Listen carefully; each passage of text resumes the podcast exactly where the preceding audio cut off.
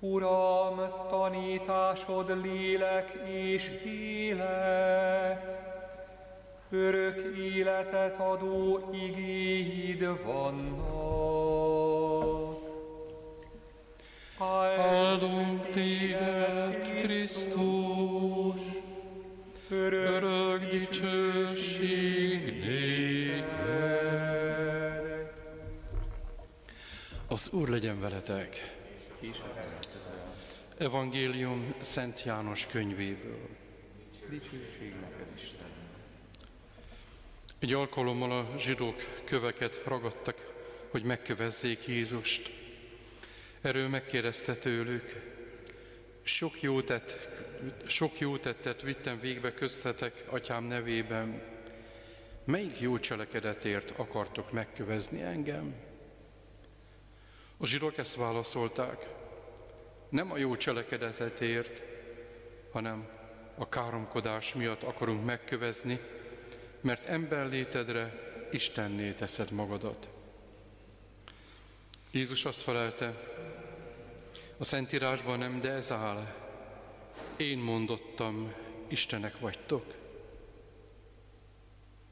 Ha már azokat is Istennek mondja az írás, akikhez Isten igéje szólt, és az írás nem veszíthet érvényét, nem veszítheti érvényét, hogyan mondhatjátok arról, akit az Atya megszentelt és a világba küldött, káromkodol? Mert azt mondtam, hogy Isten fia vagyok. Ha nem cselekszem, atyám, a tetteit, ne higgyetek nekem. De ha azokat cselekszem, és nekem nem akartok hinni, higgyetek a tetteknek, hogy végre lássátok és elismerjétek, az Atya én bennem van, és én az Atyában. Erre ismét el akarták fogni őt, de kiszabadította magát kezükből. Ezután Jézus újra a Jordánon túlra ment arra a helyre, ahol János először keresztelt, és ott is maradt. Sokan keresték föl, mert így vélekedtek. János ugyan egyetlen csodát nem tett, de amit Jézusról mondott, az igaznak bizonyult. És sokan hittek Jézusban. Ezek az evangélium igéi.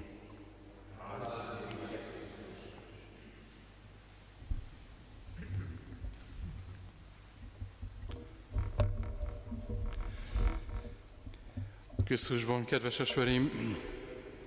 esverim, a mai evangélium részletben két ember csoporttal találkozunk, eh, akik Istennel szemben valamiképpen állást foglalnak. Az egyik a tagadók, sőt, nem csak a tagadóknak, nem csak tagadóknak lehet nevezni őket, hanem, hanem üldözőknek is, eh, Istent elpusztítóknak is. Szembe az Istennel vitatkoznak, okoskodnak, mindenféle elméleteket gyártanak az, hogy miért ne higgyenek. A másik csoport pedig a megvallóknak, akik megvallják Jézust, elfogadják azt, hogy, hogy ő az Istennek a fia. Tulajdonképpen azt lehet mondani, hogy mind a két csoport ugyan azzal a eseményekkel, tanítással, Jézus csodáival szembesült, és mégis az egyikből egy gyűlöletet, egy haragot, egy dühöt váltott ki, a másikból pedig egy, egy tiszteletet, egy, egy megtérést, egy imádást. Mai világunkban is pontosan így van. Mindenkihez el tud jutni az Isten hit, az Isten mindenkit megkeres személyesen. Egy-egy eseménnyel, egy-egy hallással, tanítással, egy-egy olyan ö, emberi tettel, ö, szeretettettel, amely, amely Isten felé viheti a gondolatait, és ugyanúgy ö, vannak követők és vannak tagadók. A megváltás az most is folytatódik mi is meg vagyunk hívva, és megtapasztaltuk ennek a meghívásnak a nagyszerűségét, a, a csodáját, a szeretetét, amit, amit megkaptunk, és azért adjunk hálát, de tapasztaljuk, hogy újra és újra, nap mint nap döntenem kell Jézus mellett, hogyha én az ő útján akarok járni. Sokszor meg is eh, kísérti eh, a gonosz lélek az embert a bűneivel, megkísérti, hogy először csak a bűnökkel, aztán utána, hogy szakadj el tőle, és a végén, hogy nincs is, nem is létezik. Ma pénteki nap van, amely nagybőjben különösen is kiemelkedik a hét többi napjai közül, hiszen ezen a napon váltott meg bennünket Jézus.